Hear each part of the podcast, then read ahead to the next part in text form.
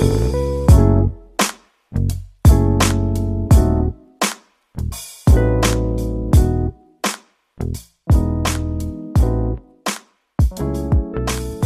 lagi dengan saya Salma Ines Firdaus di Poedas Podcast LPM Dasein. Kali ini saya bersama dengan salah satu mahasiswi cantik filsafat Universitas Gajah Mada Yogyakarta. Hmm, si cantik, si paling cantik memang. Iya, si Kak Puan Maharani. Hmm. Hmm, Gimana kabarnya, Puan? baik ya, lumayan. Biasa lah. Biasa lah ya. Udah lama banget ya nggak ketemu. Hmm, benar. Posisi sekarang di mana? Ya, sedang di pedalaman Kalimantan ya. Kalimantan. Udah terbiasa sama air di Kalimantan. Udah nih, lumayan ya. Udah bisa beradaptasi. Udah bisa lah ya. Ini Dong. langsung aja. Kita bakal membahas tentang hedonisme. Uh, hedonisme. Uh. Seringkali terjadi di eh, lingkungan sosial kita, apalagi generasi Z atau generasi milenial gitu-gitu, modern, banyak yang hedon. Nah, kalau misalnya nih, Bu, dalam pandangan gue, Hmm. Hedon itu pastinya boros dan gak ada sisi positifnya kalau dalam Ah. pandangan gue. Tapi kalau misalnya dari segi lu, dari segi filsafat nih ya, pikiran Waduh, filsafat. ngeri Bawa sih. Kalau Iya. bawa filsafat gue, gue bawa dari pandangan menurut gue aja deh. Takut gue mana filsafat, nanti dibilang salah tuh Puan. Wih, ya, oke. Menurut lu gimana? Kalau gue sih ya, apa yang sebenarnya gue eh, sempet belajar ini sih ya di aliran aliran filsafat itu kalau nggak salah tuh pas gue semester 1 apa semester 2. Eh hedonisme tuh yang hedonisme sekarang ya. Orang tuh pasti bilangnya kayak ih hedon ih hedon ih itu kayak pasti pandangan orang tuh ya kayak lo yang lo bilang tadi boros ngambur-ngamburin duit foya-foya gitu kan beli ini beli itu nggak ya intinya boros lah ya hedon gitu Mm. tapi eh, sebenarnya tuh hedonisme itu tuh pandangan hidup yang orang jadi tuh pandangan hidup di mana kebahagiaan lo itu berdasarkan apa yang lo lakuin saat itu juga gitu loh. Maksudnya bukan saat itu juga ya, gimana ya? Hedonisme tuh kayak eh, kebahagiaan yang lo ambil dari ya lo enjoy the moment aja, enjoy the moment. Tapi lo bener-bener enjoy sama momen yang lagi terjadi saat itu juga.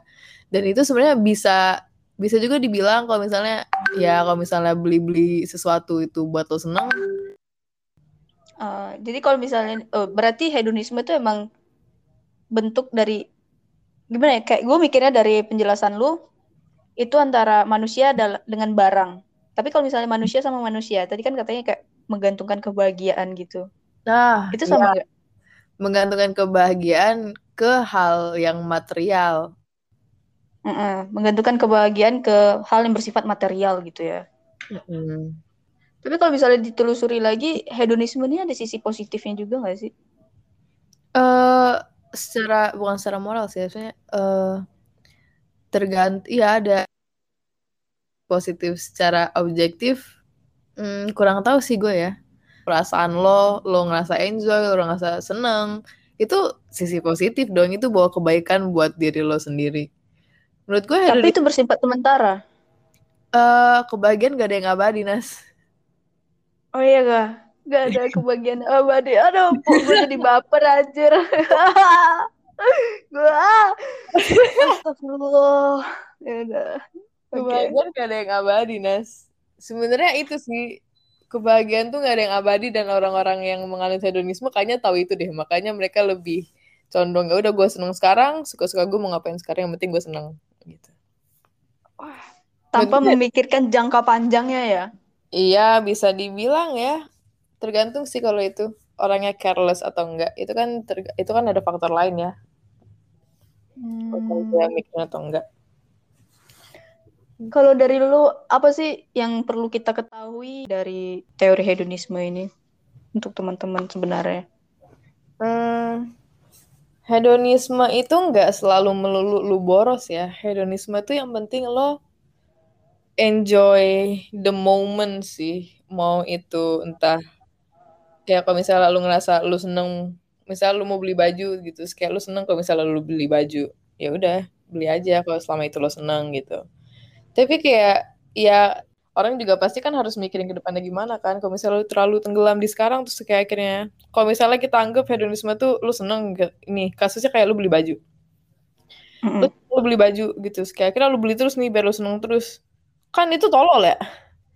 Boros anjir. Nah, itu jatuhnya boros itu. Itu jatuhnya ya lo Ya, jadi adiktif juga jadi eh, ya, ya. Jadi ya hedonisme kan pandangan hidup ya. Hedonisme itu pandangan hidup yang oke, tapi jangan hedon gitu. Oke. Kalau lu salah satu penganut pandangan ini enggak? Benar. Oh ya, Mm. sudah terlihat sekali kayaknya. Anda, penting penting seneng-seneng aja dulu. Anda kan sudah mengenal saya selama dua tahun lebih ya. Menurut Anda Wah, saya Aduh. Nih, ngomong-ngomong kebahagiaan nih, tadi kan kayak gue sedikit baper sih kayak dibilang kebahagiaan itu tidak ada yang abadi. Hmm. Eh, apa yang membuat lu beranggapan seperti itu? Karena eh, realistis ya kalau gue kayak bahagia itu bahagia itu nggak bakal last long sampai akhirnya kalau misalnya lu sedih ya bahagianya hilang nggak sih? Hmm, tapi kan kita diberi pilihan untuk lu mau bahagia atau sedih gitu kan. Kalau gue mikirnya, kenapa kita harus bersedih padahal kita juga bisa bahagia gitu. Hmm. Perasaan tuh datang Hmm. gitu aja. Lu bisa lu bisa aja tiba-tiba lu bisa lagi senang-senang nih gara-gara lu dapat sesuatu yang lu mau. Terus kayak kalau misalnya barang itu hilang, masa lu masih mau tetap senang-senang? Masa lu bisa tetap senang-senang gitu? Lu pasti sedih lah kalau nggak sedih, marah atau enggak. Pasti kebahagiaan lo hilang dan bakal diganti sama emosi yang lain. Makanya dari situ gue Hmm. bilang kalau bahagia itu sebenarnya nggak ada yang abadi. Iya sih. Mm-mm. Tapi beda kalau misalnya sama selalu bersyukur. Itu beda. Ah, gimana tuh? Kalau misalnya gimana ya? Sebenarnya gue juga masih agak bingung sih di sini. Kayak lo bersyukur. Otomatis bersyukur tuh lo seneng gak sih? Kok ya lo bersyukur nih, makasih Tuhan udah begini begini begini begini gitu. Itu otomatis lo bahagia kan. Hmm. Tapi Iya sih, bi- bisa jadi salah satu sumbernya juga sih. Heeh. tapi kayak meskipun lo bersyukur juga kalau misalnya ada yang hilang pasti kayak lo bakal tetap ada ngerasa sedih walaupun itu seper, sepersekian detik ya. Walaupun akhirnya kayak oh ya harus bersyukur. Ya Allah terima kasih jadi senang lagi. Jadi kayak Astaga, gue habis kehilangan ini, kehilangan dompet. Aduh, gue sedih. Aduh, gue bersyukur. oh bersyukur ya, ya, ya Allah terima kasih yang terima kasih yang hilang cuma dompet aja gitu untuk yang ini nggak hilang gitu. Itu masih bersyukur kan berarti kayak lu sempat sedih tapi lu senang lagi gitu. Tetap aja keputus kan tetap keputus tuh koneksi. Namanya tetap keputus kayak eh, tali kebahagiaan itu sempat keputus gitu loh. Jadi Iya. emang kebahagiaan memang tidak ada yang abadi sebenarnya. Ah, luar biasa sekali ya. Eh, Ah, nih Bu, kalau nggak salah nih, gue pernah inget dulu tuh, dulu nih ya, waktu pas awal-awal banget di Jogja itu, Hmm. lu pernah ngejelasin tentang pandangan stoa, apa ya? Sto, sto. ya stoa tulisannya stoik sih orang-orang juga orang-orang sebenarnya bilangnya stoik tapi sebenarnya harusnya stoa Ah, stoa. Itu apa sih maksudnya? prinsip atau pandangan hidup yang ya udahlah gitu Ya udahlah, ya udah capek dengan semuanya, jadi ya udahlah. Ya udahlah ya Ah. udahlah, ya udahlah gitu Eh simpelnya begitu sih ya gampangnya tuh begitu ya udahlah tapi sebenarnya Hmm. stoa itu pandangan hidup di mana bu- eh, bukan pasrah juga sih lebih ke kayak lo udah tahu nih kemungkinan-kemungkinannya bakal gimana-gimana aja. Jadi kalau misalnya kan lu punya anggaplah lu punya tiga kemungkinan nih. Lu punya lo ngelakuin satu dan itu outcome-nya bakal ada tiga. Hmm. Menguntungkan satu yang biasa aja, satu yang merugikan.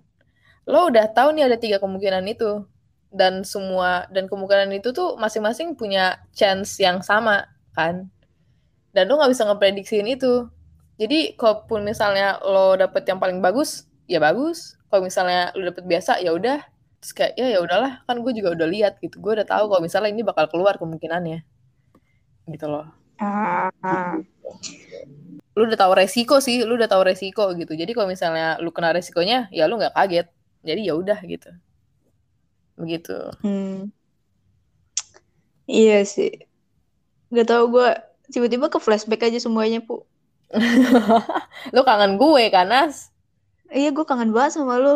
Eh, wah, terima kasih banyak, Kak Puan. Iya, sama-sama, Inas. Apa Eh, sih buat Inas? Ya, sudah mengisi di podcast kita. Mhm. Dan ke depannya kali ya. Boleh banget. Kalau gitu, Puan jaga kesehatan terus, yang eh, stay safe dan ya, bye bye. Dadah, Nas. Thank Dadah. you.